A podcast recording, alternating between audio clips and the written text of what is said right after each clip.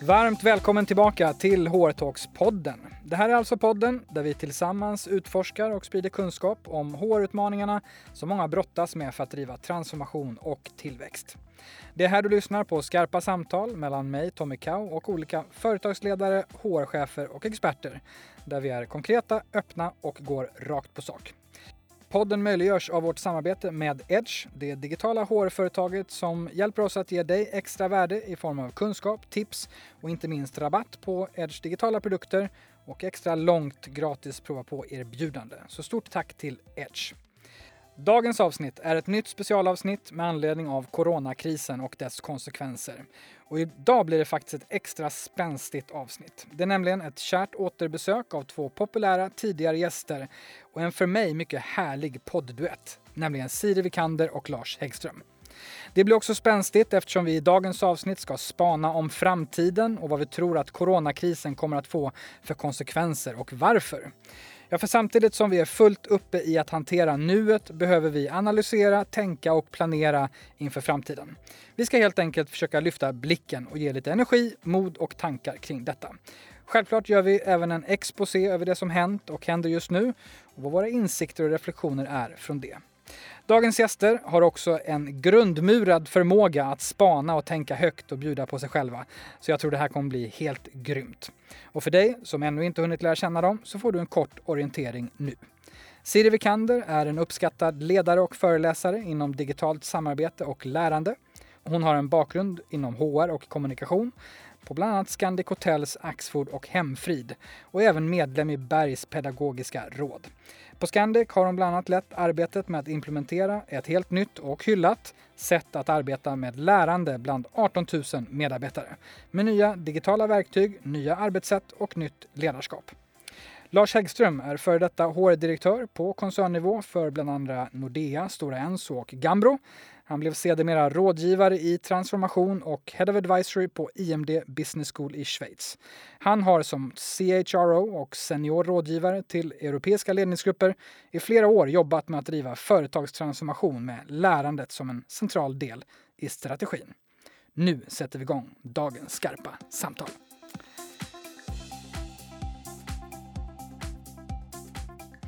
Varmt välkomna tillbaka till HR-talks-podden Siri Vikander och Lars Häggström. Tack så mycket. Tack så mycket. Otroligt kul att ha er tillbaka. Vi eh, känner varandra lite nu. Vi har gjort två avsnitt eh, tidigare som blivit väldigt populära så att jag tänker att ni nu börjar bli lite så fasta gästkrönikörer i HR-talks-podden, vilket känns härligt. Först, hur känns det att vara tillbaka och prata HR i, eh, och spana i dessa coronatider? Ja, men det känns fint att vara här och fint att få träffa er. Och lite ovant i morse, stryka en skjorta och stoppa ner datorn och gå till jobbet så där som man brukade göra förut. Eh, och sen så komma hit och få träffa riktiga levande människor. Ja, det känns jättefint att vara här. Nej, jag kan bara upprepa i någon mån det som Siri säger. Jättetrevligt att vara tillbaka även om det är omtumlande tider. Alltifrån att eh, packa ihop saker till att komma hit så känns det som att eh, ingenting är som det har varit. Och jag tror inte det kommer att bli det framåt heller, men det ska vi prata mer om senare. Det ska vi prata mer om senare, det kommer vi in på. Och eh, ni om några vet ju att i den här podden så går vi rakt på sak. Och jag är nyfiken på vad ni tycker är mest utmanande just nu. Men på ett personligt plan så tycker jag det är att hantera stress och oro. Både min egen, eh, men sen också den närmsta familjens och hela samhällets oro. Det smittar av sig och humöret far upp och ner på ett sätt som jag är ganska ovan vid. Eh, och jag behöver falla tillbaka på sådana där klassiska strategier som eh, se till att hålla tider, sova, äta bra, motionera. Men också att hålla kontakt med de som är mig nära och kära på, på en mer daglig basis än vad jag brukar göra. Mm. Nej, för egen del så tycker jag att den största utmaningen är att hantera oron för de nära och kära. Min pappa är 82. Eh, jag tänker mycket på honom. Eh, och det känns ibland som att det är omvända förhållanden. När jag har hört att han har varit ute så vill jag veta var han har varit och så vidare. Mig att tänka på när jag var 15. Eh, så att mycket, mycket att hantera sin egen oro för de nära och kära. Sen tänker jag också mycket på de som är eh, någonstans nära, men kanske inte i, i, relation till sig, familj och så. Men de som eh, inte grubblar så mycket på hur det är att vara hemma och få ordning och styrsel på, på liksom vardagen. Men de som är hjältarna och som faktiskt är där ute och kämpar och sliter och eh, har känsla av att eh, man lever liksom i två olika världar och mycket tacksamhet man har att eh, känna inför och ge dem, men som man inte någonstans ger dem. Så det finns mycket liksom, grubblerier och mitt i allt det så försöker jag som Siri hitta en rytm eh, för att mm. liksom, jobba och få saker och ting att funka och så. Så att famlandes. Det känns som att vi aldrig har tänkt så mycket som vi gör nu. Och liksom, eh, brottas med och bollar och pratar både med oss själva och andra så mycket som vi gör nu. Och kanske tillbaka till din poäng Siri, vi pratar mycket med oss själva nu, oro och så vidare. Jag tror, vi, jag tror att vi försöker förstå vad som pågår. Och det är väl lite det som kännetecknar en kris, är ju att det går så fort så då behöver man tänka och prata med andra för att förstå, försöka mm. tolka situationen. KG Hammar sa någonting intressant i söndagsintervjun här senast. Han sa att eh, att ofta sägs så flyr man undan tankar genom att röra sig så snabbt. Nu rör man sig väsentligt långsammare mm. och nu finns det mycket tid för reflektion och eftertanke och ibland kan jag tycka att det är en ynnest och ibland kan jag tycka att det, det är förfärligt. förfärligt. Exakt, så att det, det är verkligen en tid där saker och ting går upp och ner. Och så tror jag att det känns för de flesta. Jag tror att det är jätteviktigt också att prata om det med varandra. Det är någonting i den här situationen som känns ovanlig därför att det är som att det är en, en grupp som sliter dygnet runt och liksom nästan håller på att jobba ihjäl sig. Och en annan grupp som sitter hemma och har tid att tänka och har tid att, att lära sig nya saker. Och att det där upp upplever jag som orättvist. Och eh, man skulle väl liksom på, eh, vara med och hjälpa till på ett annat mm. sätt. Mm. Och vi pratade lite inför den här podden att, att, det faktum att vi ens hinner och kan träffas så här mm. och att vi nu refererar till att vi står hemma och stryker skjortan på morgonen och jobbar hemifrån. Det är mm. oerhört många som inte har den möjligheten. Eh, och att det är ja, tillbaka till hjältarna och alla andra som har helt andra förutsättningar än vad vi har. Mm. Vi är privilegierade och jag känner mig otroligt tacksam för det. Mm. Och om vi pratar lite mer om, eller kommer in och pratar om, om, om krisen, vad tänker ni, förutom det ni brottas med just nu då som ni nämnde, vad tänker ni nu kring krisen? Om vi får lite så här pick your brains lite, hur ni ser på krisen och tänker kring den? Alltså en reflektion jag har det är att eh, det finns någonstans ett sätt att hantera den här krisen som å ena sidan handlar om att bringa stabilitet och då menar inte jag stabilitet i det hänseendet att vi, att vi vet vad som händer och fötter och vad världen tar vägen. Men att för, försöka liksom finna någon form av stabilitet och trygghet så att man kan att någonstans kanske uthärda vardagen. Och där tror jag att eh, det finns en del nycklar till att faktiskt lyckas med det. Sen så känner jag att det finns en annan del som handlar om utveckling och handling och hur vi både i tanke och eh, i det vi gör börjar röra oss mot vad framtiden kan komma att bestå i. Som jag någonstans sa inledningsvis, jag tror inte att vi kommer att gå tillbaka till ett, ett normalläge som är det som det har varit. Jag vill inte det, jag hoppas inte det. Eh, men jag tror att någonstans så står många, och inte minst jag själv, på två ben. Att söka efter stabilitet å ena sidan och å andra sidan sträcka mig efter utveckling och handling och vad kan komma härnäst. Så det blir min eh, första omedelbara reaktion. Det, det, känns lite som att det finns också en, eh, en, en naturligt slitage däremellan någonstans. Att det ena föder inte nödvändigtvis det andra utan snarare tvärtom. Ja. Så du måste vara ganska uppmärksam på att det är de båda du vill åstadkomma. Och jag tror att eh, nu är ju organisationen så kanske extraordinära eftersom vi inte ses. Det som någon uttryckte det att i en tid som denna, när man ska hålla ihop organisationer, så får vi inte ens ses i många fall. Så i organisationer, skulle vi alla vara samlade så tror jag att du skulle kunna ha en, en slitning mellan de som säger verkligen verkar för att få känna stabilitet och å andra sidan de som vill liksom fara framåt. Mm. Sen så tror jag att det är inte så enkelt att människor är olika utan jag tror att den här olikheten finns inom en själv. Ena stunden känner jag att jag verkligen liksom vill sortera i min garderob, skapa ordning och reda. I det lilla jag, jag kan faktiskt skapa ordning och reda. Och i nästa stund så börjar jag tänka på hur kommer utvecklingsarbete att bedrivas framåt? Eh, hur kommer det se ut för min arbetsgivare när folk kommer sannolikt att resa mindre? Titta vilken kraft som finns i ett övergripande syfte. Folk kan chippa in, folk kan verkligen liksom liksom göra allt för att eh, någonstans liksom bidra till det. Hur kan man lyfta in det hur man leder organisationer? Och sen nästa stund in i garderoben och sortera igen. Jag tycker det är lite som att hela världen är i något gigantiskt omställningsprojekt. Eh, och det är fascinerande vad vi klarar på kort tid. Och det fanns ju eh, redan innan corona kom tydliga signaler om att vi behövde ställa om. Mm. Planeten mådde inte speciellt bra. Vi hade eh, stora flyktingströmmar till följd av krig. Eh, och eh, vi hade också hela det här att det fanns det kom, så mycket, det kom ju ny teknik hela tiden och vi, vi kämpade ju med att lösa gamla vanliga problem med den nya tekniken. Så att det, det fanns redan ett krav på oss att ställa om oss och några var lite snabbare än andra. Några ville inte, sådär som det är med förändringar. Men nu är plötsligt alla tvingade. Mm. Och det är som sagt helt fascinerande att se vad vi klarar när vi fokuserar på en sak och, och uh, går samman och mm. löser problem.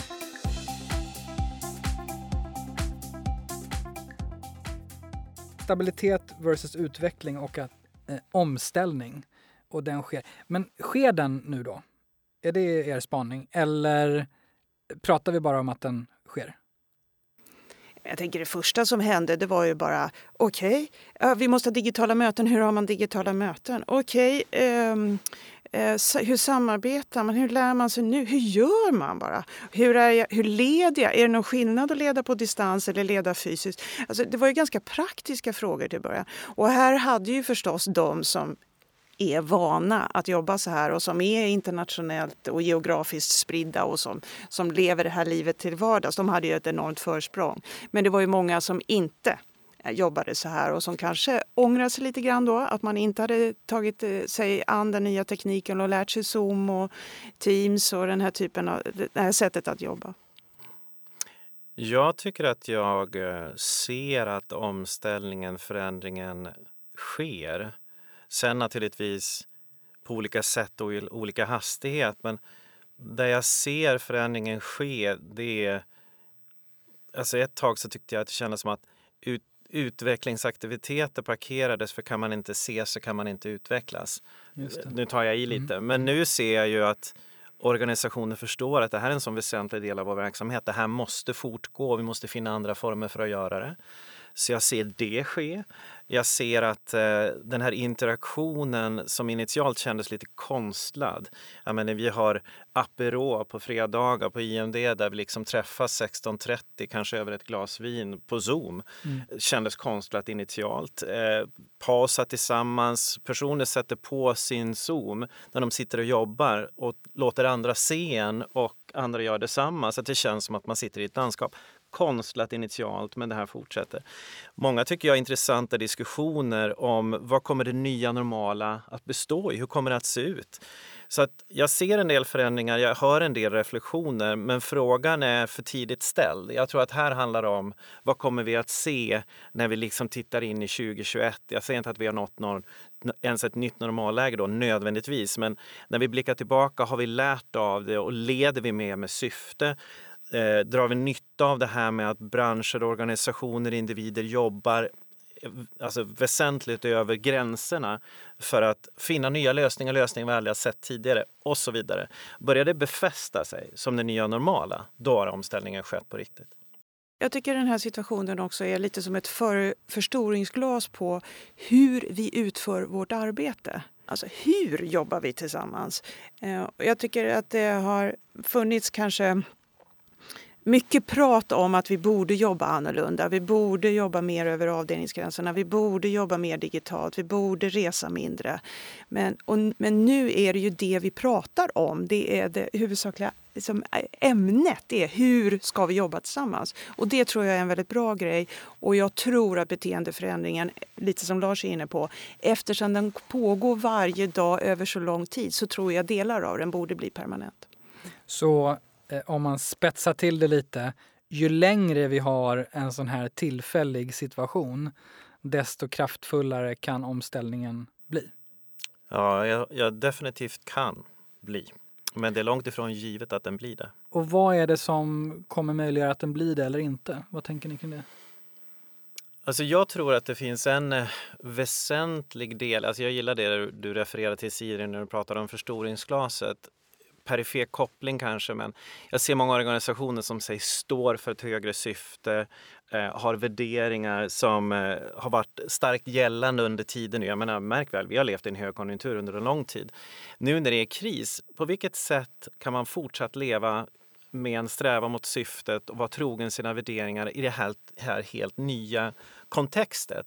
Och de organisationer som jag tycker är progressiva, det är de som du vet, inte omedelbart liksom backa tillbaka i något krisläge och tänker man kan liksom inte leva med att försöka realisera syftet och vara trogen sina värderingar för det kostar ju pengar så att nu, nu är det bara krisläge som gäller. Mm. Utan någon som är otroligt dedikerade till och håller i det här men finner nya färger och former för det. Eh, de som lyckas med det konststycket de, de kommer ju att vara liksom konsistenta under den här tiden och de kommer att komma ut i andra änden otroligt mycket mer starkare än sin omgivning och sina konkurrenter. Så de kommer ha den starkare Ett omställningen? Ett otroligt ja. jäkla läge. Du ler lite? Ja, jag ler därför att jag, det, jag tror ju att de som eller jag tycker man ser nu att de som hade en riktigt bra kultur, ett riktigt bra ledarskap, hade ett bra samarbete i ledningsgruppen. De bara växlade upp på det de redan gjorde till vardags. De bara började göra det oftare. De kom inte med något nytt eller något nytt sätt att göra saker på. De bara gjorde mer eller oftare av det de gjorde innan. Så till exempel att de Eh, alltså ledningsgruppen ses oftare, eh, men kanske lite kortare. Man synkar, man synkar kommunikation, man försöker förutse scenarier, som alltså håller upp scenarier. Vad är det som kommer här framme? Så att man har tillgång till sin hjärnkapacitet. Alltså det har inte gått ner i magen och bara blivit känsla jag måste skära i kostnaderna. Vi måste bara få stopp på det här blödandet. Utan man, man, är, man har redan en bra bas och utifrån den så kan man både Eh, eh, se hur man behöver eh, minska kostnader men också ta tillvara på den innovationskraft som finns i hela organisationen. Och här tycker jag det finns ju fantastiska exempel på företag som har lagt ut innovationstrådar internt där man eh, har varit helt transparent från ledningen. Eh, vi gör minskad orderingång, vi kommer behöva permittera, eh, vi behöver eh, er hjälp att lösa det här. Vad har ni för förslag? Och sen ligger ledningen och är med i de här innovationstrådarna. Eh, de visar tydligt att ehm, att de lyssnar och tror på medarbetarkraften. Och det här, det här klarar du inte om du inte redan innan hade det här tänket. Om du, inte re, om du var toppstyrd innan, då kommer du falla tillbaka på det toppstyrda för det är det som känns tryggt och vant. Men hade du hunnit ställa om organisationen till en medarbetardriven, då kommer det ju vara det naturliga sättet att göra saker på. Och även om du inser att du inte ska vara toppstyrd längre så tar det tid att ställa om och den tiden den förlorar du kontra alla andra. Men det här är otroligt intressant för här har vi en, en hardcore verklighet som extremt många sitter i och också de som lyssnar på den här podden. Där du i många fall behöver å ena sidan anpassa kostymen på olika sätt. Du behöver dra i kostnader, du behöver skära, du behöver anpassa eh, sannolikt då, på olika sätt. Och samtidigt så behöver vi nu kanske i en tid mer än någonsin ha innovationskraft, initiativ, engagemang, uthållighet och så vidare. Vad är, du var inne på några saker där Siri, men vad är era tankar på om man lyssnar och befinner sig i den här verkligheten, hur ska man lyckas balansera båda de här? Och kanske när man har, eh, det kan ju vara att man har en ledning som drar åt något av hållen om man behöver balansera. Jag tror, att, jag tror en del i det, det är att bekräfta i kommunikationen att man behöver båda. Alltså en organisation är oftare än man tror, liksom, otroligt mycket mer begåvad. Så att liksom, om du inte gör tydligt att vi måste spara, det är ett extremt krisläge, och vara saklig och tydlig kring det. Men vi behöver också utvecklas. Vi vill förvalta den kraft som finns i vår organisation och vi vill se hur vi kan liksom write the benefits av det som händer nu. Alltså att spela ut de här två. Så ser mm. det liksom ut. Och sen till det som Siri säger. Jag hade en chef en gång som långt tidigare men i en kris som inte var så här betydande men ändå en betydande kris gick ut och sa jag tänker inte ta all plats på scenen för att söka lösa det här, även om kanske många förväntar sig det. Utan jag kommer att bjuda upp folk, bjuda in folk till att vara delaktig. Och en del av reaktionen från organisationen var, men för 17 gubbar, det brinner ju. Nu är ju du mm. den som ska leda oss rätt. Mm. Och argumentationen här var ganska spännande, men jag beundrade honom för att han vågade verkligen mm. bjuda in. Eh, så jag tror på, bekräfta naturligtvis, det är kris, vi måste göra en rad radikala åtgärder, men poängtera också utvecklingsdelen och bjuda in som bara den. Och kanske inte bara mm. den egna organisationen utan bjuda in vidare och bredare, vilket vi har sett en del exempel på. Ja, men det är också så fantastiskt för att om man utnyttjar allas eh, innovationskraften men också allas nätverk.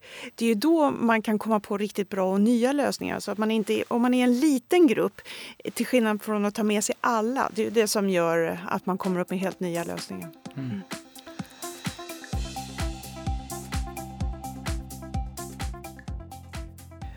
Och, och det är i vad? Och lite hur också. Men, men hur gör man det där då när man liksom som ledare eller HR eller så ska, ska lyckas balansera de här två? Men jag har eh, alltså varit i kontakt med ledningsgrupper nu som just eh, dels att de, de gör mer av det de gjorde innan, så de ses oftare, de synkar mer, samarbetar mer, eh, de har en gemensam bild av det som pågår.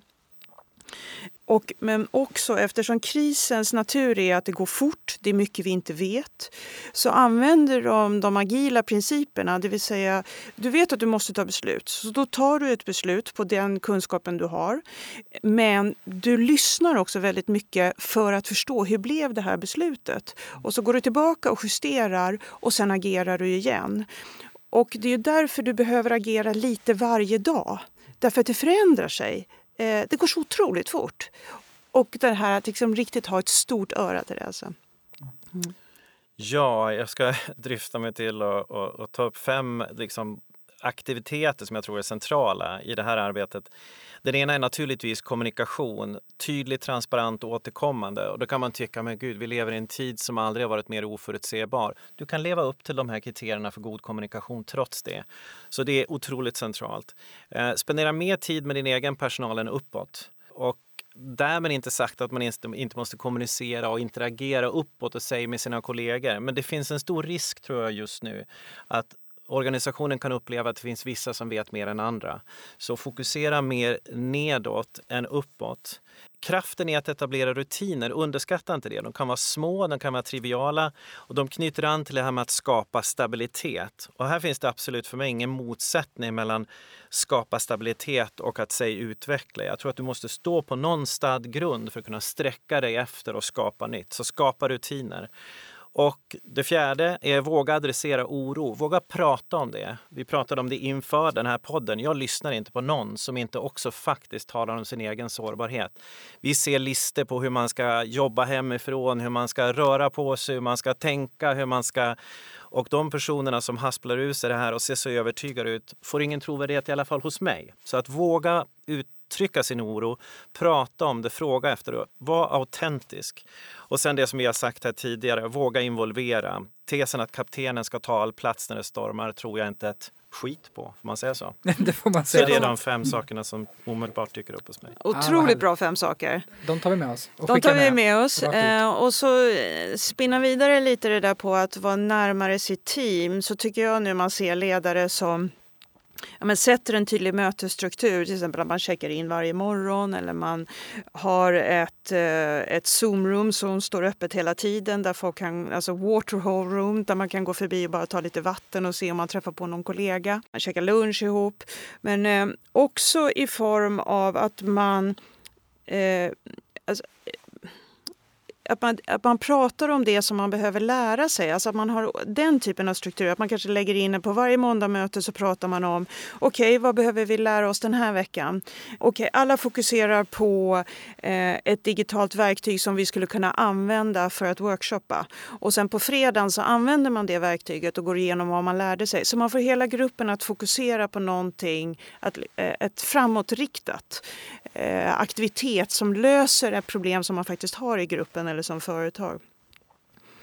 Och, och sen som... tror jag, eh, bara en sista, det är att man också som chef har eh, tycker jag, one-to-ones nu. Därför det gäller att fånga upp eh, mycket av den oro som finns eh, är ju på det privata planet. Man kanske lever med någon som har blivit av med jobbet eller som jobbar i sjukvården eller man har föräldrar. Alltså man behöver som ledare nu flytta sig närmare sina medarbetare, inte bara som grupp utan som en och en. Och för att orka det som ledare så behöver du se till att du själv har stöd. Och det kan man göra på lite olika sätt. Eh, med sin egen chef förstås, men också ha någon att prata med. Men Jag tänkte spinna vidare på en sak som, som du har pratat mycket om Siri tidigare och som är relaterat till det här och det är kriskurvan. Eh, hur vi, och den är väldigt individuell. Men kan inte du bara ge en snabb orientering om, om kriskurvan och så kan vi prata lite om hur vi själva kanske har förhållit oss till, till den och till krisen?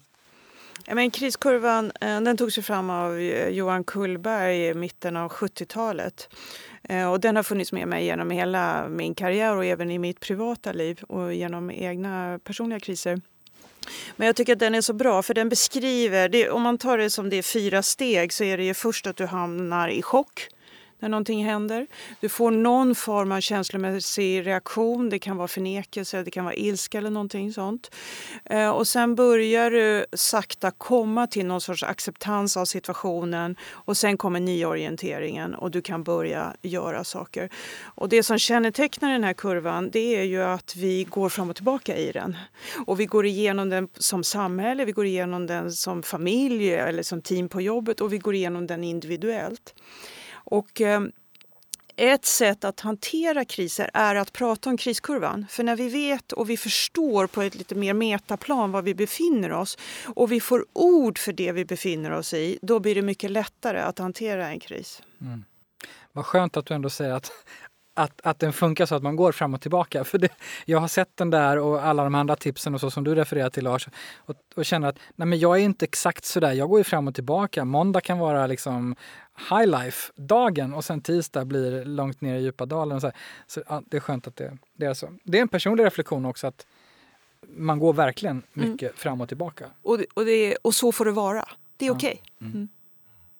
Vad är reflektioner på kriskurvan Lars? Nej, kan du det... sätta den i ditt perspektiv de här senaste veckorna? Jo, men alltså en reflektion jag har som, som eh, dyker upp här när vi sitter och resonerar, det är ju att likväl som jag säger, kan luta mig mot mina kollegor så lutar jag mig i större utsträckning nu än för kanske mot mina vänner. Det kommer ju delvis av att man jobbar hemma. Så träffar man en kompis kanske och vågar dryfta sig till en fika. Eller man pratar med folk mer ofta än vad man brukar göra. Och diskussionen tycker jag glider verkligen in på det här. Idag känner jag förtvivlan. Idag känner jag att det här kommer ta mig tusan inte att lösa sig. Och våra två döttrar, vad kommer de att möta för verklighet?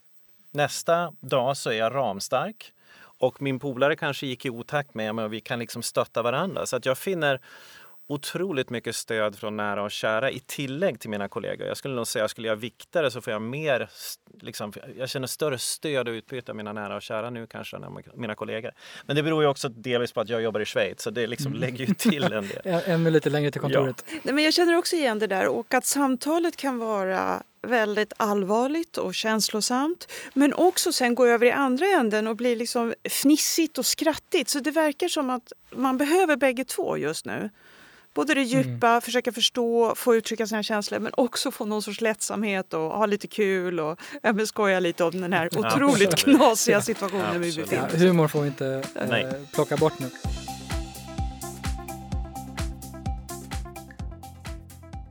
Jag kommer tillbaka till, när jag lyssnar, när vi pratar om det här så kommer jag tillbaka till en, en slutsats som, har liksom, eh, som vi egentligen har pratat om men som blir starkare och starkare. Det är att nu övas vi eh, mer än någonsin i just sårbarhet.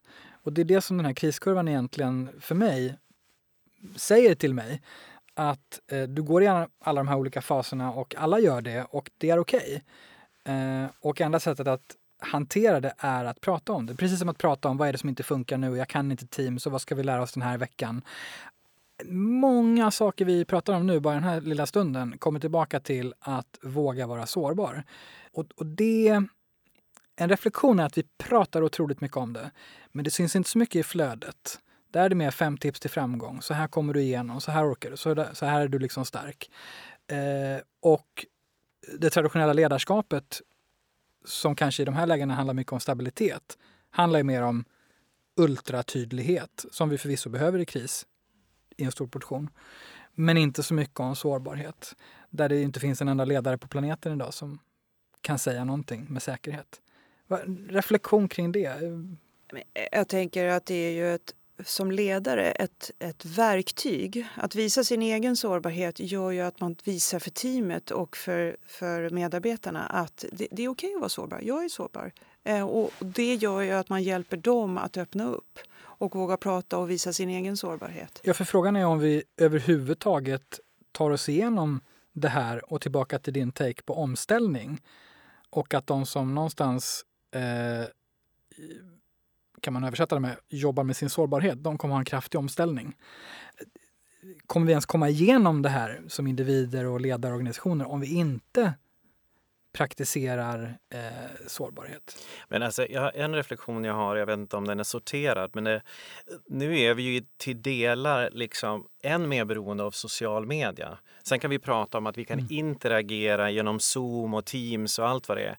Men mycket säg media som konsumeras kanske i än större utsträckning nu än förr är ju social media. Och för att komma igenom med det jäkla bruset så måste det ju vara liksom A, B, C, D, E. Pang, pang, pang. Och mm. att i det, säg, föra fram sina osorterade, onyanserade personliga känslor är svårt.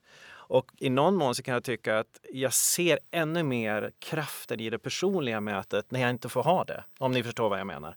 För att ha den här fördjupade diskussionen där jag känner att jag blottar mig för dig, du ger mm. mig liksom med dina ögon bara en förståelse för, en empati och att jag kan göra detsamma nästa dag. Det förutsätter, än så länge i alla fall, optimala förutsättningar att man ses. Så jag tror att lite grann det här att vi liksom ser de här listorna är en konsekvens av att social media blir så än mer. Så en, en, en, en lite av en ultrautmaning eller paradox för att vi får ju samtidigt inte ses. Så det här Exakt, är liksom är en, en faktor som, som spär på uh, utmaningen i det hela. Alltså, jag tror aldrig har pratat så mycket i telefon som jag har gjort nu under de senaste veckorna. Och att det ofta är så att det börjar med ett Facetime så man ser varandra och sen eh, så stänger man av det och så har liksom haft lurarna och gått en promenad och sen pratat liksom länge och just gjort den här som vi var inne på förut att man först pratar om alltså, hur är det? Hur är det för dig? Hur är det för mig? Man är mer personlig och sen så pratar man om en jobbgrej och sen så är det lite skratt och bus på slutet. Då. Eh, och jag, jag jag tror aldrig jag har varit så trött på sociala medier som nu. Nej. Jag tycker att det känns ytligt. Eh, jag tycker det känns... Eh, jag vill inte vara där. Det hjälper mig inte i den här situationen. Jag, så att jag försöker faktiskt undvika det mm. i ganska hög grad. Mm. Mm. Men om vi fördjupar lite, eller kanske breddar lite faktiskt, hur vi har upplevt krisen och vad som händer och hur vi påverkas. Eh, jag tittar lite på dig Lars som jobbar på, på IMD. Ni träffar ju och jobbar mycket med koncernledningar, styrelser, alltså toppchefer runt om i, i både Europa och världen. Vad ser och hör ni som har liksom eh, ögat och örat rätt in i, i de, de här grupperna vi pratar om? Mm. IMD genomförde en studie här nu för, puff, det vi pratade bara om en tio dagar sedan. Alltså studien sammanställdes förra veckan och genomfördes tror jag, mellan 26 mars och i början på april. Och vi ställde då en rad frågor. Den här studien har precis publicerats. Jag ska inte plocka ut alla delar i det, men några delar som, som jag tycker är ganska intressanta. För det första, så det här är 455 chefer som har uh, uttalat sig. Och, och det är en, toppchefer runt om i, toppchefer runt om i hela världen, ja. Mm. Eh, i en rad olika branscher. Och eh, en del av resultaten som kommer fram är till exempel, det här kommer inte överraska i alla delar men kanske i vissa, eh, på frågan vilka branscher som anser sig vara mest drabbade. Eh, så reseturism naturligtvis, och chefer ifrån den typen av bransch eller branscher. Olja, gas, ty vi rör oss inte längre i alls samma utsträckning och så vidare. Medtech, intressant, för att Sjukvården är styrd åt rätt håll, men det innebär således också att man inte styrs åt ett annat, vilket innebär att den efterfrågan går ner. Utbildning, som jag själv befinner mig i och ni, mm. är också en bransch som anser sig vara extremt hårt drabbad. Det andra eh, är också att upplevd stress hos cheferna. När de får frågan hur hårt känner du att du personligen är drabbad? Så finns det en extremt stark korrelation mellan stressen hos cheferna och vilken bransch de verkar i. Eh, så att det finns en stark korrelation mellan cheferna och upplevd stress och branschen, eller branschen som de jobbar i. Sen är det också intressant att se att de som jobbar inom publika noterade bolag uttrycker mindre oro än de som jobbar inom familjeföretag, offentlig verksamhet eller NGOs. Och, och, det var också att de, eh, jag eh, sneglade på den här studien innan vi klev in här också. Eh, de största bolagen är minst oroliga. Ja. Precis, och jag, jag, jag, tycker det här är otroligt intressant. Jag, menar, jag säger det här bara för att det här är vad studien säger. Och sen oron för att förlora jobbet är starkt relaterat till storleken på organisationen. 9% i bolag med, med 10 000 anställda eller fler uttrycker mycket stark oro medan samma siffra för egenföretagare är 64% Och sen så har du någon form av säg, fallande skala däremellan. Eh, att den oro som ledare ger uttryck för när de måste precisera det berör försäljning, cashflow och att upprätthålla engagemang och moral. Medan kultur och att bygga kritisk kompetens för någon framtid är väsentligt längre ner på listan. Jag kommer tillbaka till det för jag tycker det är intressant.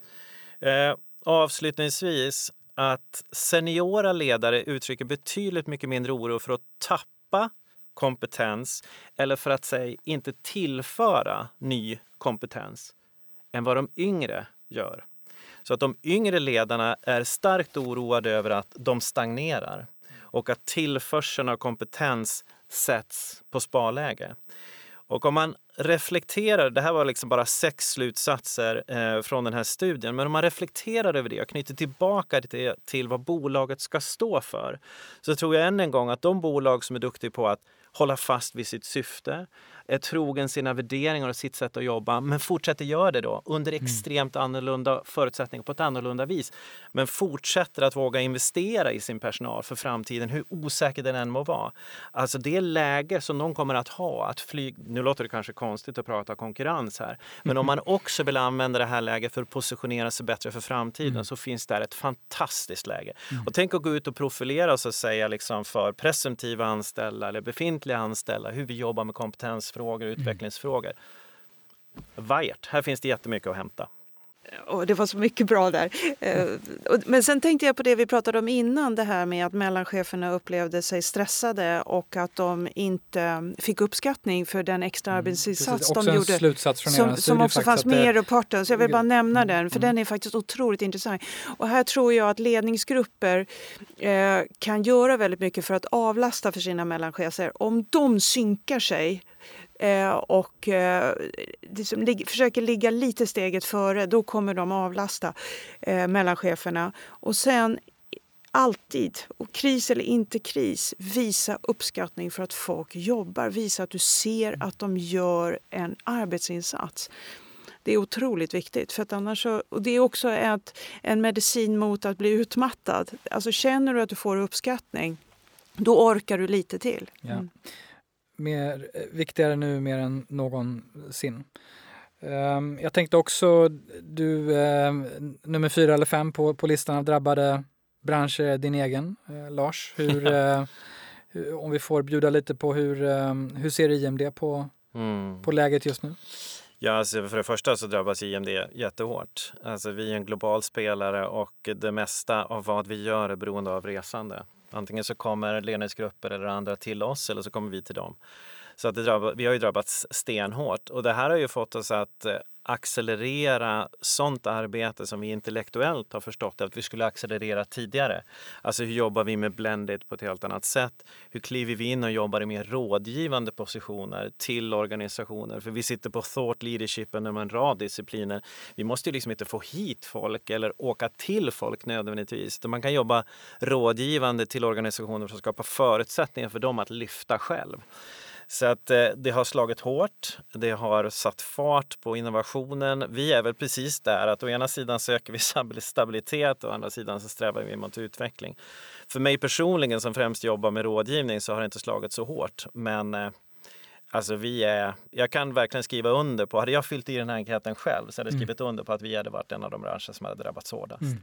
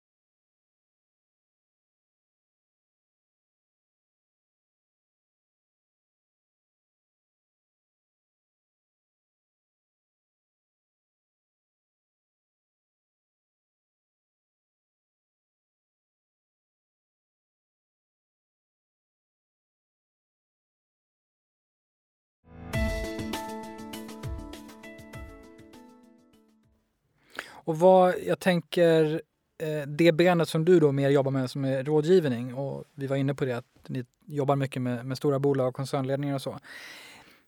Kan ni se, vad är det man eh, vill ha från er nu? Vad är det man, och därmed sannolikt också från massa andra, vad är det man behöver externt ifrån nu upplever du? Vad får ni för typ av förfrågningar i den mån du kan dela med dig av det?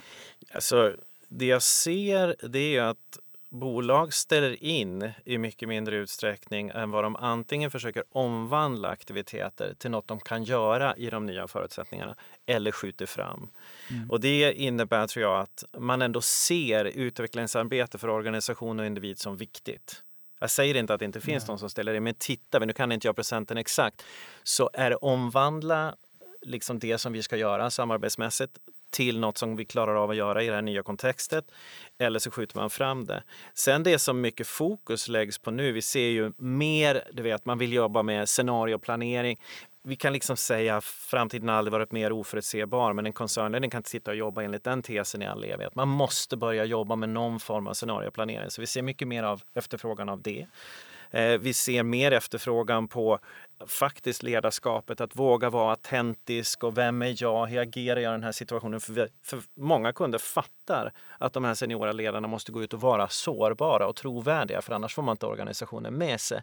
Vilket jag tycker är härligt i någon mån för att det visar att det här börjar faktiskt få fäste. Till och med nu. Varit en crash course för dem kan man säga. Ja. Onekligen. Mm. Så ja, vad kan sägas i tillägg? Men det är väl de sakerna som säg, omedelbart dyker upp eh, som, som vi möter hos våra kunder. Sen vad vi möter hos våra kunder som kanske är mer en personlig reflektion men också tillämpligt på IMD, det är att våra samtal är hemskt välkomna.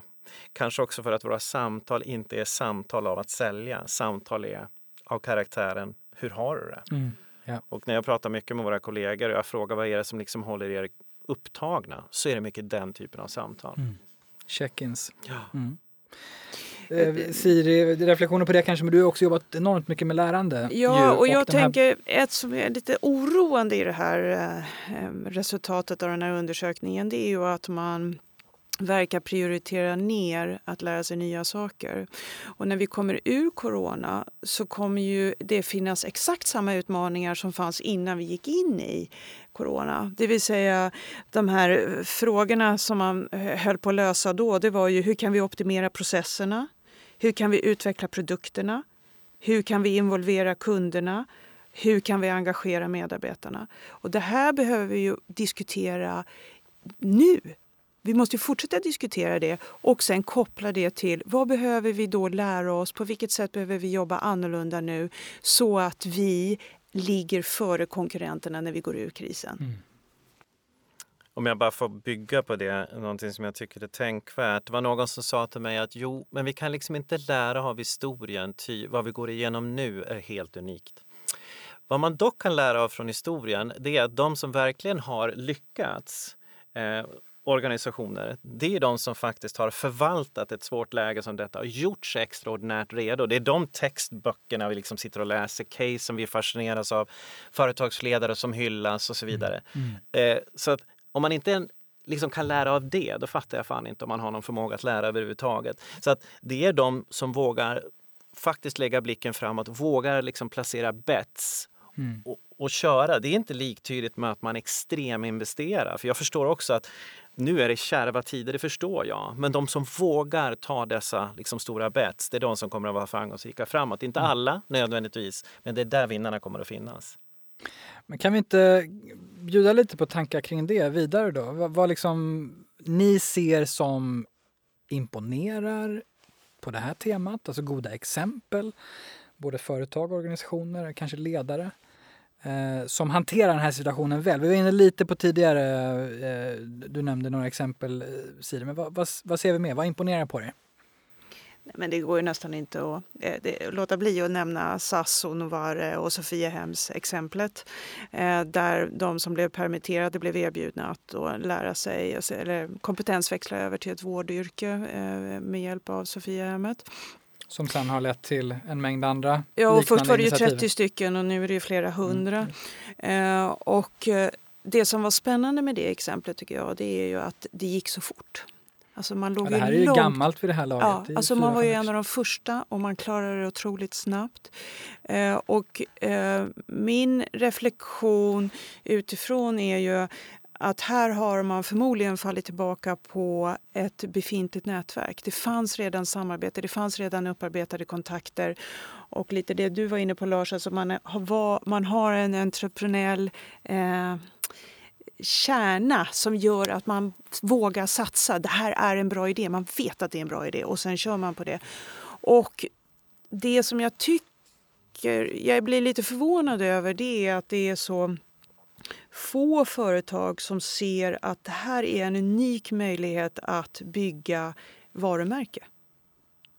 Eh, du kanske inte kan vara så taktisk, du kan inte kräva så mycket konvertering till sälj men du kan ju absolut bygga varumärket strategiskt och, det, eh, och påverka, förflytta upplevelsen av ett varumärke i en sån här tid. Nej, för att bygga vidare på det exemplet så är det en, en sak som slår mig det är att jag menar, vi pratar mycket om att organisationer, starka organisationer har ett övergripande syfte. Nu skulle du kunna hävda att världen har ett övergripande syfte. Att hantera den här krisen vi befinner oss i.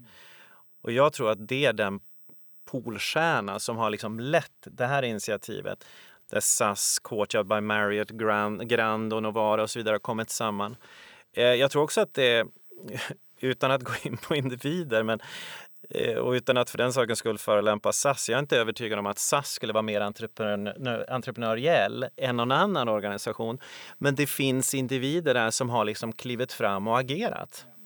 Och, eh, som har gått det... utanför befintliga strukturer egentligen. Så nu pratar vi egentligen om punktinsatser drivna av enskilda individer med nätverk och, exempelvis. Och så är det ofta, att det är en person mm. eller några personer som kliver fram. Men de får göra det mm, också. Det. Mm. Precis, jag tror att där finns det mycket, mycket att hämta. Sen, sen har jag varit imponerad av små och stora företag som till exempel hjälpt till med Visir 3D-verkstan som liten verksamhet, visirbrist, gör det själv, får frågan, pris, nej vi tar inget. Mm. Alltså, jag tycker det är fantastiskt. Volvo har gjort något likartat men mm. här vill jag liksom lyfta upp en liten organisation som jag tycker har gjort något mm. alldeles, alldeles fantastiskt. Mm. Och sen ser jag, tycker jag, vissa organisationer som till exempel Scania som har en stolt tradition om att agera på ett visst sätt i kris som gör det igen. Mm. Mm. Just Som visar ja. tillbaka till med vidareutbildning av sin personal. Jag tror att det finns en viss trygghet hos den personalen som inte är liktydig med complacency men vi, liksom, vi har en arbetsgivare som kommer att ta ansvar för att vi ska förvalta den här krisen, jobba i den här krisen på bästa möjliga sätt. Eh, så det har imponerat mig mycket.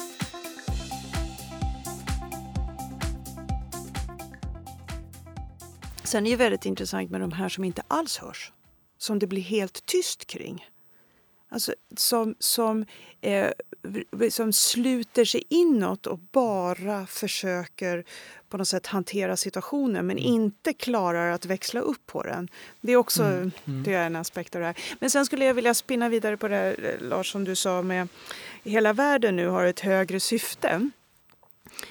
Eh, och det har vi. Och har vi en riktning. Vi försöker lösa det här problemet. Vi har ju också minskat konflikterna Alltså man ser ju, om man tittar på den politiska debatten som pågår nu så tar ju alla ett ansvar att minska konflikterna för att vi ska kunna fokusera på att lösa problemet. Och Det som är spännande med det, det är ju att vi då gör Istället för att prata så himla mycket om mm. hur vi ska göra det, så gör vi och så försöker vi lära av det där görandet det skulle jag vilja att vi tog med oss in i framtiden. För det är mycket, det är mycket mer effektivt sätt att, att uh, utveckla och ta oss framåt.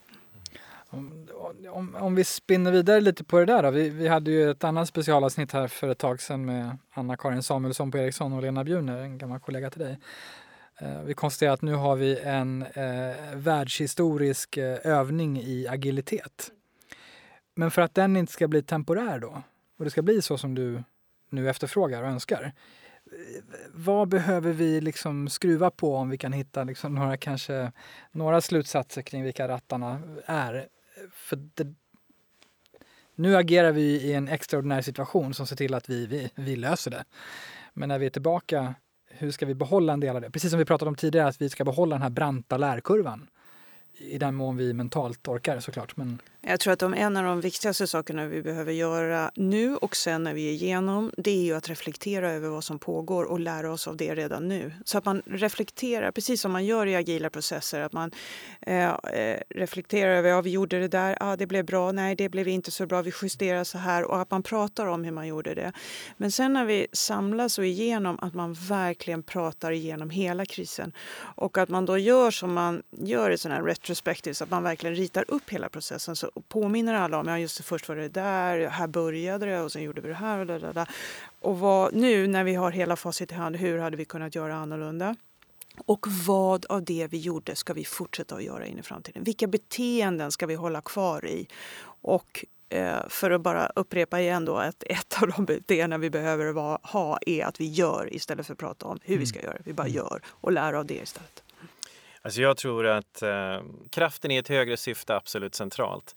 Och någonstans tycker jag att det finns någon tes som säger om du har ett starkt varför så blir kraften i det så mycket starkare än vad all annan säg, konflikt som kan bestå i politik, revirpinkande, nej men så kan man inte göra, oro, ängslan. Så om det högre syftet är större än allt det samlat, då får du framdrift, då får du driv.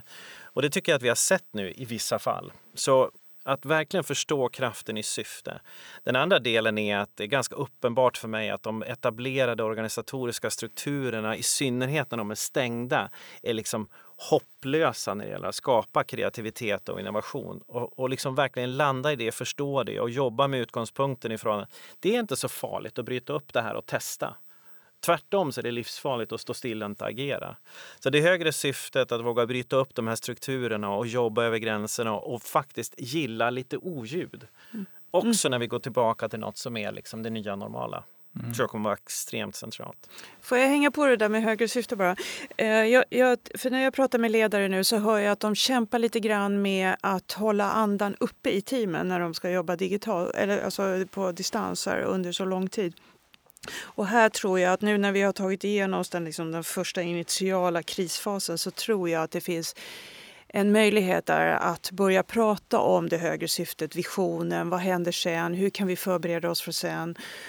Och att på det sättet få alla i teamet att liksom lyfta blicken lite grann framåt och då blir det lättare. Och man kan till och med, förutom att man har såna digitala AV på fredagarna nu som många har, också planera en fysisk AV bara för att ha någonting att se fram emot där framme. Ja, just det, så kommer det se ut där framme, att man målar upp den där bilden.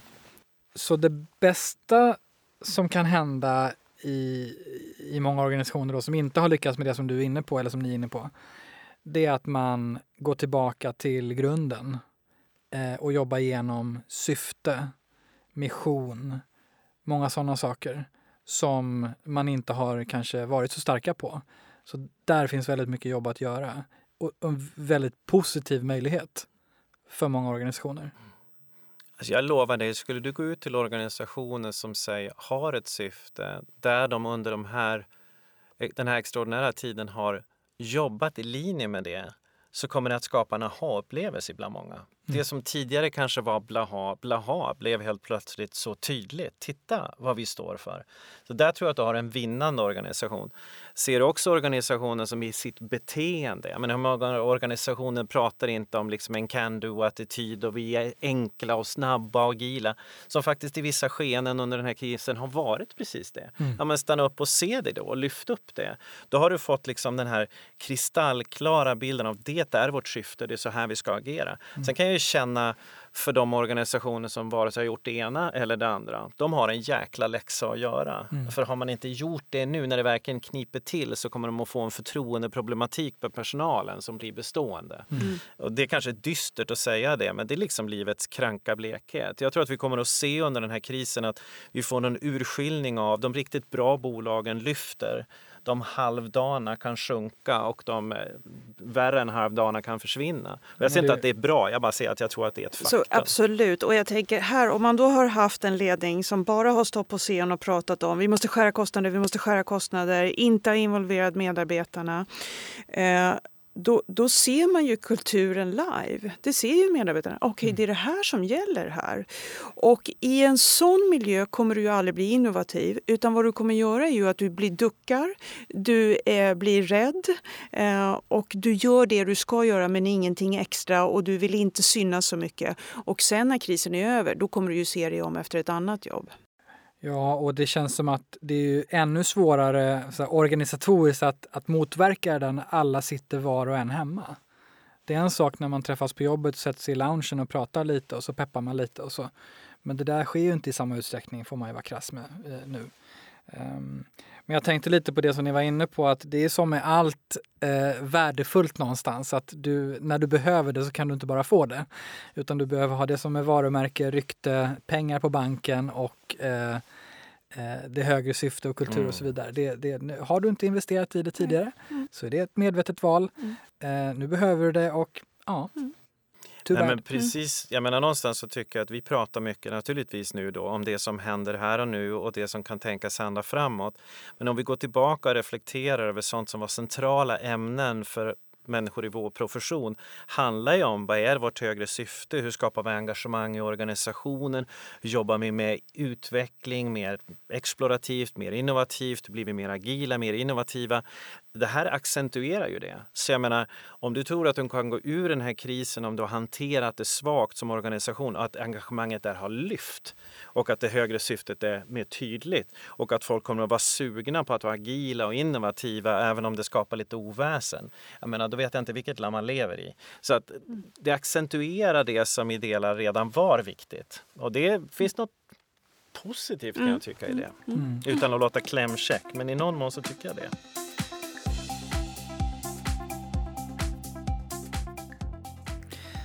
Om vi fortsätter blicka, blicka framåt. Vad kommer coronakrisen att få för konsekvenser? Vad är det första ni tänker på? Vad kommer den här krisen att faktiskt få för, för konsekvenser? Vi har varit inne en del på det såklart. Mm. Jag tror att den kommer att eh, skilja agnarna från vetet. Det tror jag. Jag tror att de eh, duktiga och därmed starka spelarna kommer att bli starkare. Och jag tror att vissa kommer att falla. Det tror jag blir en konsekvens. Ehm, jag tror att det kommer att leda till omprövning inom en rad olika områden som som resultat kan leda till något drastiskt annorlunda. Jag tror ju till exempel när, det, när jag tittar på den verksamhet jag finns i själv.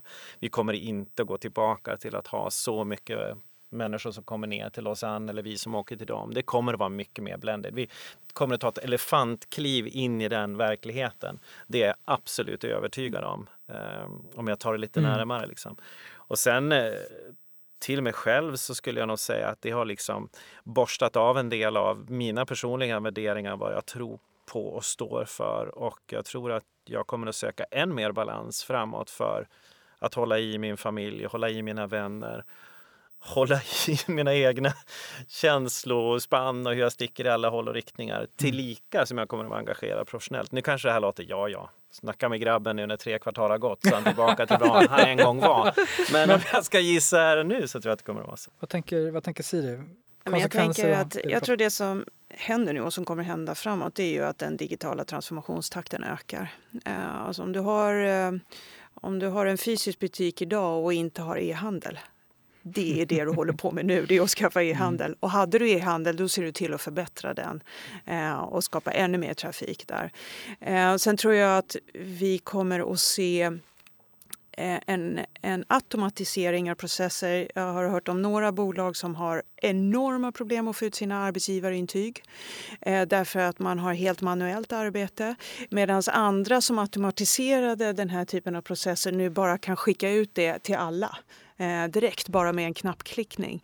Och här tror jag att de här två sakerna, det vill säga att automatisera befintliga processer, se över dem eh, och, eh, och sen också eh, använda den nya tekniken för att eh, skapa mer affärer. De här två sakerna tror jag kommer bli ytterligare fokus på. Alltså det kommer gå snabbare. Vi hade fokus på det innan, men det här gör att det går snabbare. Bolag, flera och så försökte jag tänka min egen arbetsgivare och så försökte jag tänka mig själv. Och nu skulle jag vilja försöka addera perspektivet, det ännu större perspektivet, det samhälleliga, liksom det, det, alltså jordens perspektiv. Eh, jag vill tro att vi kan komma tillbaka till de frågorna som var så extraordinärt stora och väsentliga innan coronakrisen och titta på de frågorna och söka hantera dem eh, på ett annat sätt. Jag menar, det som min pappa sa, det är fascinerande, 82 bast, och så säger han det är fascinerande hur vi synes kunna hantera en kris åt gången. Vad tog klimatfrågan mm. vägen? Mm. Och kan vi liksom se på hur den här världen ska röra sig framåt på ett mer hållbart sätt, rethink capitalism, alltså rethink education. Att om vi kan liksom tänka nytt kring det här eh, och landa i något som faktiskt borgar för en bättre värld för barn och barnbarn. Jag menar, mm. då skulle det vara magiskt vackert. Så mm. Det vill jag tro. Jag tittade faktiskt på en del såna artiklar som har kommit ut. 19 företagsledare gick ut och gjorde ett inspel på hur man skulle kunna driva samhället framåt. Det finns flera exempel på det. Och gud vad jag hoppas att det inte landar platt mm. när det här är över. Mm. För det är inte coronakrisen som är den enda kris vi har att hantera. Nej. Men sen tycker jag, det, det, alltså det man också skulle vilja är att vi inte började med formatet som vi har gjort så länge. Jag tänker just inom utbildning så har ju formatet på något sätt historiskt sett varit vi ses i ett klassrum. Mm. Och nu skulle man ju vilja att vi istället började med vad, vad, vad vill vi ha för effekt, vad vill vi ha för beteendeförändring? Okej, vilket är det bästa formatet för att uppnå det? Och då kommer vi ha nu då upplevt mycket mer det digitala formatet eh, i form av events och webbinar och så. Vi har en större upplevelse av det och därför kommer den kanske vara lite lättare att föreställa sig i jämförelse med klassisk klassrumsutbildning. Jag skulle vilja lägga till en sak till. Eh, precis innan corona, någon gång i början av mars, då kom ju LinkedIn med sin rapport om lärande. Och en av de fynden där det var att eh, ut, utbildningsavdelningar på företag eller organisationer de hade fått mer pengar för digitalt lärande och en digitalt lärandekultur som pågår 24-7. Men det som de fortfarande såg som en utmaning var att ledningen fortfarande inte stod på scen och var eh, förespråkare för det här. De, var lärande. Nej, exakt. Och nu när vi liksom och jag vet det är många eh, just koncernledningar som, som kanske har inte själva använt de här digitala verktygen. Men hela organisationen under har gjort det. Eh, men nu har de ju tvingats genom krisen att faktiskt lära sig de här verktygen. Så en sak som jag i alla fall skulle vilja se framåt det är ju fler eh, alltså, från högsta ledningen som stod på scen och sa vi måste ha en lärandekultur. Vi mm. måste ha ett socialt lärande som, och en, där vi delar med oss av kunskap till varandra som pågår precis hela tiden. Mm. Mm. Just det. Och det är ju det som sker nu. Mm. Och återigen då tillbaka till att det måste fortsätta och mm. kanske struktureras eller liksom accelereras och också drivas på, inte bara av en tillfällighet. Ja, och ska vi säga någonting till sociala mediers försvar nu, lite det där att det är väldigt mycket fem tips och tips och tricks och så. Men det, vad det ändå är som är en bra sak, det är ju att vi delar med oss av kunskap till varandra, eh, öppet och transparent. Och jag hoppas att det här också pågår på de sociala intranäten inne i organisationer. Jag tänkte på en sak apropå konsekvenser. Eh, en, en tidigare gäst som sa att den här VUCA-världen som vi har pratat om i fem år nu, eller sen nu VUCA blev ett uttryck, den har ju för otroligt många under alla de här åren varit ganska teoretisk. Vi har levt i en tioårig högkonjunktur i, i stort sett hela världen. Eh, fat vi, and happy. Fat mm, and happy. Mm. Och hon uttryckte det att eh, VUCA-världen är nu inte teoretisk. Inte för någon. Mm.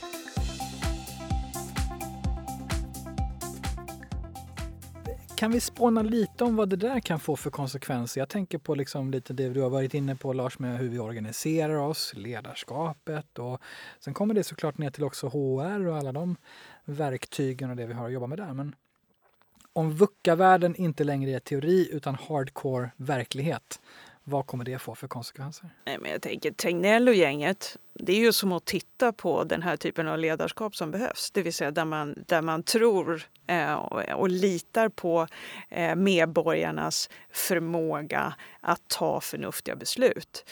Det är ju precis sånt ledarskap vi vill ha ute i organisationerna. Mm. Jag menar, en reflektion, det är, ingen, det är ingen argumentation emot det du säger men jag kan ibland nu känna att eh, samhällsutvecklingen kan gå mot sig en oreda som jag inte likställer med en VUCA-värld. Alltså om vi tittar på så många som kan förlora sina jobb. Alltså vi går ifrån en, en, en högkonjunktur som har varit under lång tid till en tvärnit. Du menar att det är bortom VUCA? Ja, det är bortom mm. VUCA och vi kan liksom komma in i, jag menar som jag ibland kan fascineras över, det här är ingen domedagsprofetia, men att vi inte ser mer våld i vissa delar av samhället än vad vi har sett hittills. För vi kommer att ha många personer som förlorar sina jobb och förlorar sitt levebröd. 400 000 personer i Indien vandrar tillbaka till sina byar ty det finns inte mycket att hämta i de stora städerna i Indien längre. Så att jag kan till dels liksom köpa det du säger men å andra sidan kan jag känna att det finns delar här i som är så stora och omvälvande så att det finns en jättelik ett jättelikt samhälleligt ansvar att försöka ta i de här stora, stora frågorna. Eh, sen när det gäller hur man kan hantera det här inom organisationer så tror jag jättemycket på ledare som har förmågan att driva mot ett större syfte, ja, och att involvera och vara otroligt trygg med att inte veta. Ja, men om något så måste ju ledaren nu ha blivit ganska trygg med att inte veta, för ingen jäkel vet ju. Så att ta med sig den och det verkar okay. kunskapen och motkunskap. Ja, men att inte veta och vara trygg i det och mm. förstå att sanningen finner vi tillsammans. Liksom. Det tror jag stenhårt på. Ja, det är superbra att du lyfter det Lars. Och jag tänker att det kom, jag, lite tycker jag mig se företag passar på att eh, permittera och säga upp personer på grund av arbetsbrist eh, som stod inför att behöva göra en total kompetensomställning. Alltså de, eh, vi vet ju World Economic Forum Job Report som kom 2019, där sa man ju att mer än 50% behövde antingen reskill eller upskill i sitt befintliga jobb. Och det är massor med jobb som kommer försvinna nu och det går fortare. Och de kommer inte finnas kvar sen efter coronakrisen. Och därför är ju den här tiden den tiden vi behöver lära och vi behöver använda den här tiden för att ställa om kompetenser och på samhällsnivå eh, hjälpa de här personerna som har blivit av med jobb att ställa om till, den, till sån kompetens som kommer att behövas framåt. Och det här är en eh, riktig kärnfråga som vi har pratat om i den här podden tidigare också, också kopplat till krisen. Vi kommer inte få en bättre tid det kommande decenniet att ta elefantkliv i kompetensomställningen. Eh, Men mm. vad tänker vi kring det då? Hur ska man angripa den utmaningen? Jag tycker en, en, en säg, vad brukar man säga, innovationens moder är fattigdom.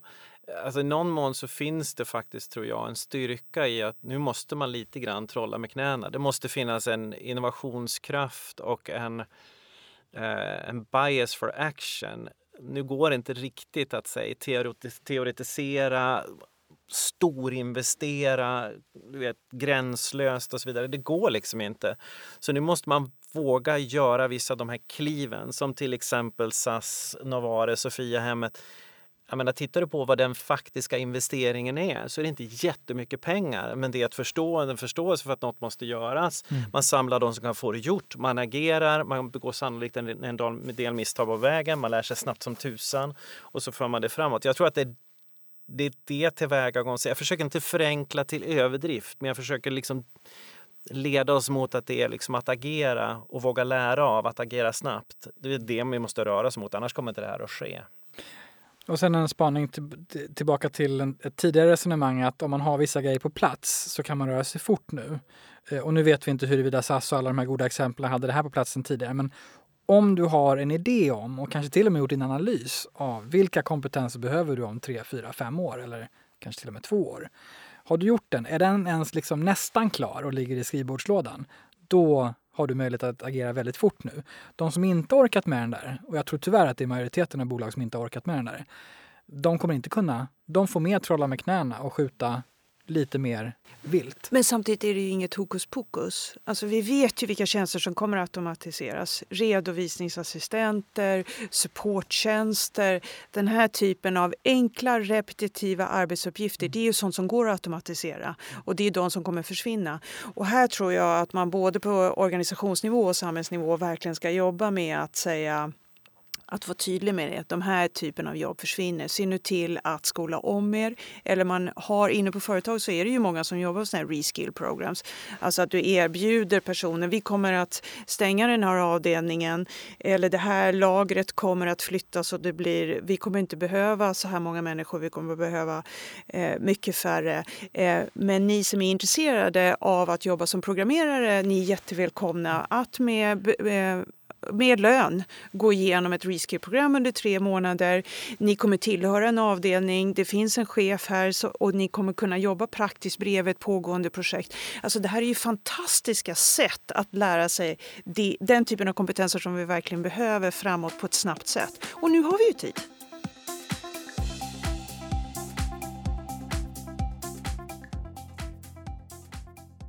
Det finns ju några komponenter i det här tycker jag som är centrala. Vi pratar om det övergripande syftet, vi pratar om vad ska bolaget vara, vilka kompetenser eller capabilities ska man bygga? Och sen för mig värderingen i det här, vad står vi för som bolag, har lite grann samma roll som en ledstång har. Men om du släcker lampan, du ska upp för en trappa, du har en ledstång att hålla dig i, du rör dig ändå.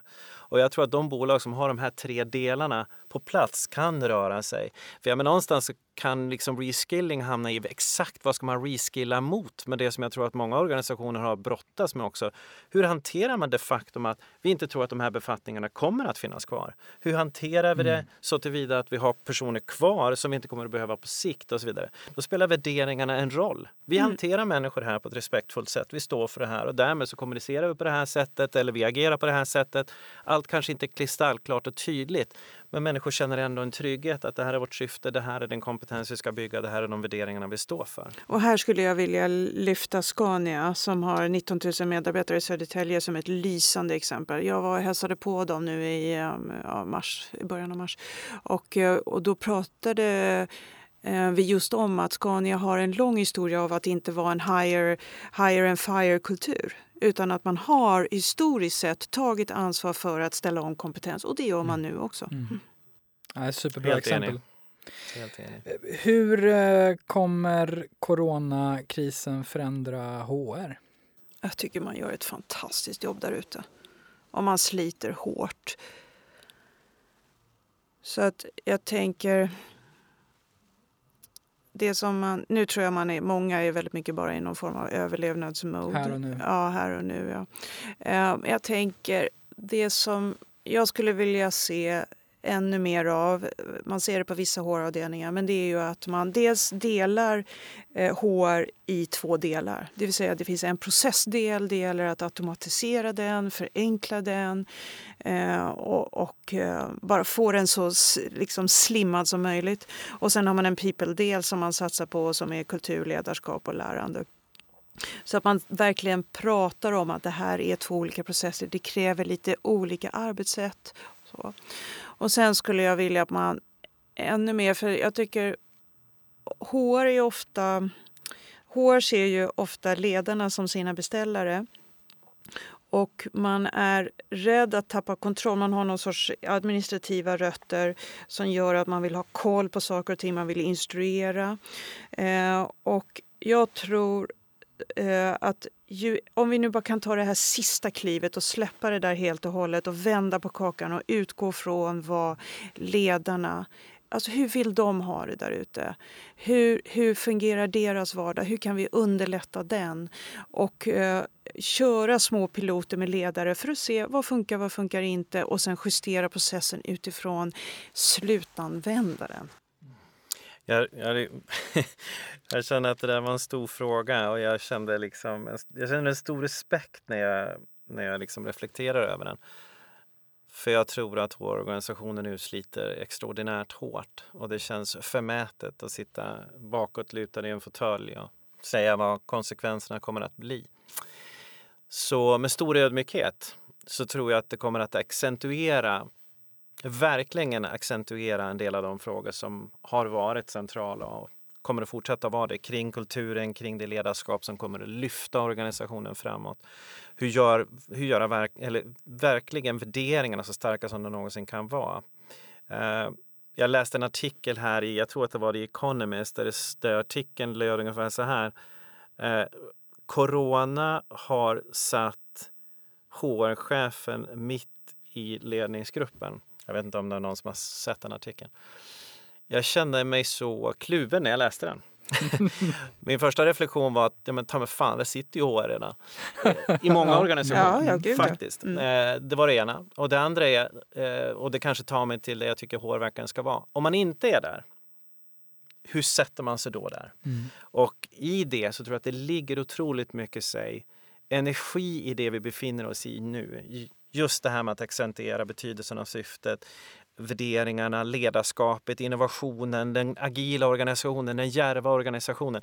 Att liksom ta greppet om de frågorna och inte bara vissa frågor som jag kan ana att man kanske sitter och brottas med just nu.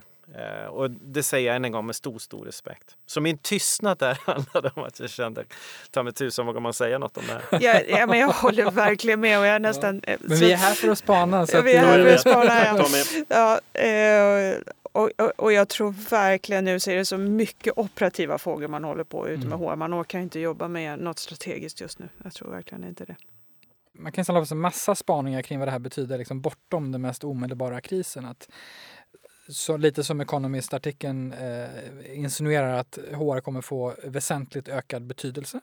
kommer uppgraderas i organisationer eh, för att man nu ser hur mycket man behöver HR. Man kanske har underinvesterat eller kanske man i många fall har underinvesterat i HR-kapacitet och HR-kompetens och kanske senioritet, expertis. Budgetar kommer att öka Eh, det som man kanske skulle kunna kalla för dåtidens HR byts ut. Seniora HR rekryteras in, som kostar mer, tar mer plats och så vidare. Det här är liksom i den, den positiva häraden av eh, konsekvenserna. En annan sida kan ju visa på raka motsatsen. Att HR som inte eh, kanske kan visa upp de här capabilitiesna som du pratar om, Lars, eller som ni båda pratar om, eh, riskerar att bli minimerade till förmån för andra som tar den rollen. Vi ser ju redan nu, och det vill vi ju, vi driver ju själva på den, att HR-frågor ska ut i organisationen. Man ska inte sitta och hålla på det på HR-avdelningen. Eh, och, och, där finns det en liten, liten risk med också extrem ödmjukhet, att man jobbar så fruktansvärt mycket med de här frågorna som du inte nämnde, men som man kanske sitter fast i nu. Man sitter så mycket i det och det operativa att ett par av de andra frågorna, det är andra som kommer plocka upp dem. Nej, jag, sitter, jag, jag, har suttit och lett här i 60 sekunder tror jag. För jag kommer att tänka på någon snarlik artikel som jag läste. Nu tar IT-chefen plats i ledningsgruppen. Det var inför Y2K. men, men, för att någonstans bli lite seriös i det sammanhanget så tror jag att det är väsentligt att man blir väsentlig av rätt skäl. Ja. Men skulle det kunna vara så att de bolag som inte lyckas så bra nu, där är det vd och ekonomichef som samarbetar och tittar på siffrorna. Medan de bolag som, som lyckas bra nu, de har ett samarbete brett, både med HR mm. och med IT och med mm. ekonomichef och marknadschef och de operativa mm. cheferna. Och på det sättet får den där kraften när man, när man tar allas perspektiv. Tveklöst. Tveklöst. Eh, Men då skulle, jag skulle vilja göra en koppling då. Vi, vi eh, pratade innan den här podden också om vikten av att faktiskt bottna i sig själv och hur känner jag inför det här och våga prata om sin oro och så vidare. Att inte säg distansera sig ifrån det och prata om fenomenet på avstånd. Och då skulle jag vilja lägga en utmaning till oss alla. Då gäller det också hur man agerar i den här krisen. Och då kommer det tillbaka någonstans till, tycker jag, stab stabilitet och utveckling. Alltså kan man som individ vara stark i den här svåra tiden, då måste man liksom se till hur kan jag skapa stabilitet, prata om det som är svårt, finna de som jag känner trygg med, söka information, göra allt det så att jag känner att jag är, jag är stark, jag är trygg. Som Lotte Knutsen sa, jag menar ta hand om dig själv först. Men därefter så är det ingen annan som kommer att liksom lägga inflytandet, lägga rätt åtgärder i ditt knä och så vidare. Nej. Liksom, kan, då, då får man verkligen inte sitta på läktarplats och tycka att liksom den agerar fel och den agerar fel. Då ska man liksom gå in där och ta för sig sig ordentligt. Och om jag tittar tillbaka på min egen erfarenhet av att ha varit i olika situationer som inte kan likställas med det här men ändå ganska betydande kriser så ser jag till mitt inflytande och påverkan så har det ju varit helt och hållet beroende på min egen förmåga att hantera hur jag själv känner och sen gå in och ta för mig. Ibland ja. har jag gjort det bra, ibland har jag gjort det skitdåligt. Så att det kommer tillbaka tycker jag ändå mycket till det egna ansvaret. Mm. Också när det gäller det. Och ta för dig. Ja. Och ta för ja. sig.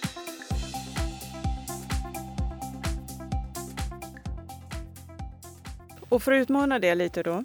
Eh, så, så någon gång i början av året så träffade jag managementkonsult på något fik som sa ah, jag förstår inte det här, alltså HR, varför tar de inte för sig? Och då tittade jag lite på honom och så sa jag så här, men eh, samarbete handlar väl ändå alltid om två personer? Ja. Eh, någon som vill samarbeta. och, eh, så, alltså, det, det, är både liksom, eh, vd och HR-chef som tillsammans måste... H, vd måste ställa frågor och HR-chefen mm. måste hålla sig framme. Eh, så, för samarbete handlar alltid om två sidor. Det är en bättre dans om båda vill dansa. Ja. Exakt mm, så, för annars, det är ganska jobbigt att dansa själv.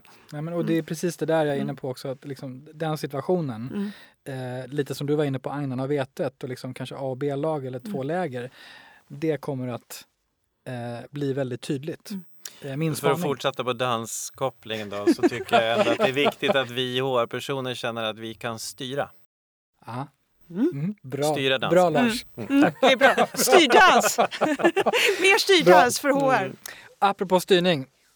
Vågar vi säga något om eh, läget framåt för den här krisen? I termer av hur lång varar den? Vad är vår spaning? När går vi tillbaka och jobbar? Alltså läget framåt.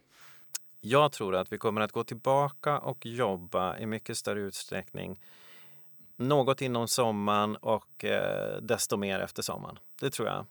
Eh, vi kommer att gå tillbaka mot något som kan liknas med ett normaltillstånd. Jag tror för många branscher så kommer vi inte att titta på något som är tillnärmelsevis ett normaltillstånd för en bit in i 2021. Och nu tänker jag på de branscherna som jag refererade till i studien drabbar, drabbas Ligger högt upp hårdast. På listan. Mm. Som turism till exempel, utbildning. Jag tror inte för IMDs räkning att vi kommer att ha globala ledningsgrupper, kommer flygandes från alla världens hörn in till Lausanne. För länderna går i så olika takt när det gäller virusspridning och så vidare. och så vidare. Uh, och sen tror jag som sagt att uh, vi kommer att titta på new normal. Vi kommer inte att titta på det normala som vi hade förr. Men tillbaka till arbete något innan sommaren, desto mer efter sommaren. De globala verksamheterna kommer att påverkas in Längre. Mm. Ja, utifrån vad vi vet just nu så tycker mm. jag också det verkar så. Om man ser verkstadsindustrin ju, har ju ett uh, har som måldatum att vara tillbaka på plats första juni som det låter just nu. UD pratar ju 15 juni.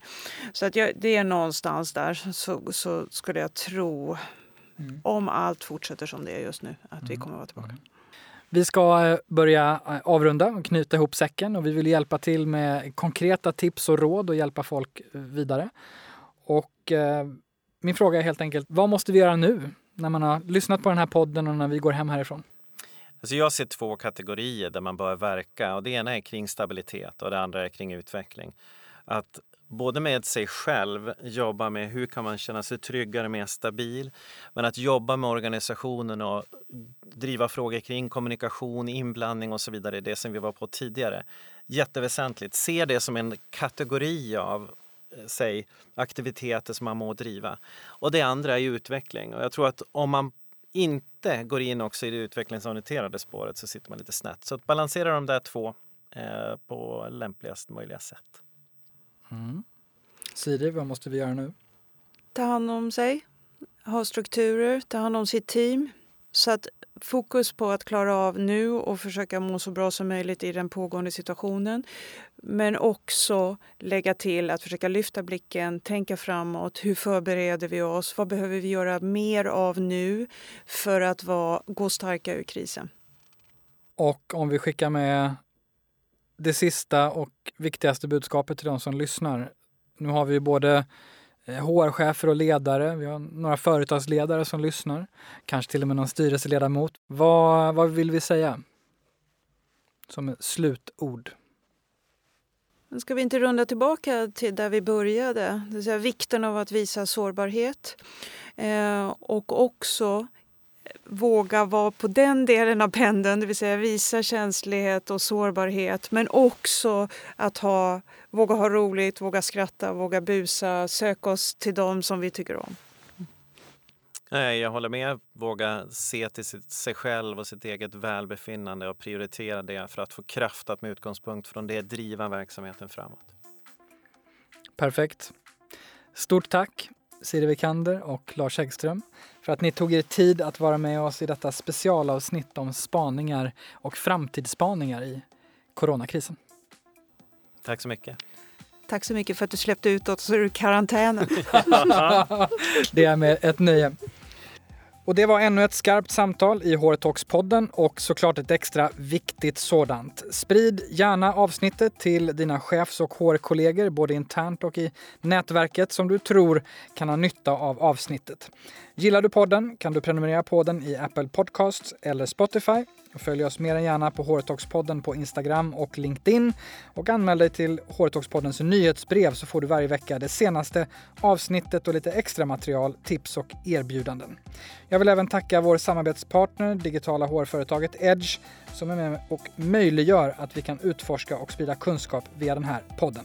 Kolla in deras rabatter och prova på erbjudande på edgehr.se hårtalks. Och Hårtalkspodden ges ut av Kao Company, produceras av Mediemera och du hittar all info som vanligt på hårtalks.se. Till nästa gång, ha det bra och ta hand om er nu.